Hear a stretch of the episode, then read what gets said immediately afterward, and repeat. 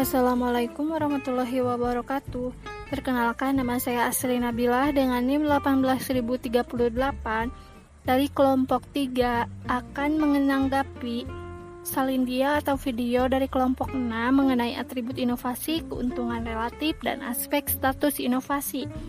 Nah, sebelumnya telah dijelaskan bahwa atribut inovasi terdiri dari lima yang saling berhubungan secara empiris namun berbeda secara konseptual, yaitu keunggulan relatif, kompabilitas, kompleksitas, kemampuan uji coba, dan daya pengamatan. Manfaat penelitian pada atribut inovasi yaitu untuk memprediksi tingkat adopsi di masa depan. Ada pendekatan yang berguna untuk memprediksi masa depan, salah satunya yaitu menggambarkan hipotesis dari inovasi kepada pengadopsi. Nah, ada juga yaitu keuntungan relatif, adalah sejauh mana inovasi dianggap menjadi lebih baik daripada ide yang menggantikannya. Suatu inovasi yang baik tentunya harus memiliki keuntungan relatif. Nah, ada juga aspek status inovasi. Salah satu motivasi bagi setiap individu mengadopsi inovasi adalah keinginan untuk mendapatkan status sosial. Individu kebanyakan mengedepankan prestis karena itulah yang mereka cari. Individu tertentu yang mengadopsi inovasi pada waktu tertentu lebih termotivasi oleh pencarian status sosial daripada nilai kegunaannya. Dampak buruknya yaitu yang berpenghasilan rendah memaksakan diri untuk membeli prestis dari barang tersebut. Motivasi mendapatkan status sosial lebih penting untuk para perintis, pengadopsi awal, mayoritas awal, dan kurang penting bagi kaum mayoritas akhir dan kaum kolot. Selanjutnya ada adopsi inovasi dan kompatibilitas. Adopsi inovasi dapat menghasilkan hadiah atau hukuman yang dalam pengaplikasiannya ada keuntungan relatif, di antaranya keuntungan ekonomi.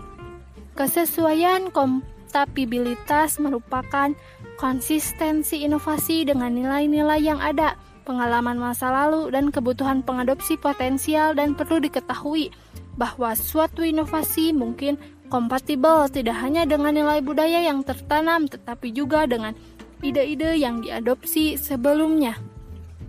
Kompatibilitas berbanding lurus dengan kebutuhan. Salah satu indikasi kompatibilitas suatu inovasi adalah sejauh mana ia memenuhi kebutuhan yang dirasakan klien. Selanjutnya ada, ada kompatibilitas dan tingkat adopsi teknologi cluster, penamaan inovasi, reliability, observability, dan positioning sebuah inovasi. Terakhir yaitu efek difusi dan adopsi yang berlebihan. Efek difusi adalah tingkat pengaruh pada individu untuk mengadopsi atau menolak suatu inovasi yang dihasilkan dari pengaruh atau proses lingkungan sekitar tentang suatu inovasi dalam sistem sosial. Adopsi yang berlebihan adalah adopsi inovasi oleh individu, sedangkan para ahli merasa individu tersebut seharusnya menolak adopsi inovasi. Dan terakhir yaitu ada pertanyaan untuk kelompok 6. Seperti yang telah dijelaskan dalam video atau salin dia disebutkan bahwa kecocokan suatu inovasi dengan ide sebelumnya dapat mempercepat atau memperlambat laju adopsi. Lalu, ide yang seperti apa yang dapat mempercepat atau memperlambat adopsi inovasi? Bagaimana cara menghadap, menghadapi kelambatan laju adopsi inovasi? Mungkin cukup sekian. Wassalamualaikum warahmatullahi wabarakatuh.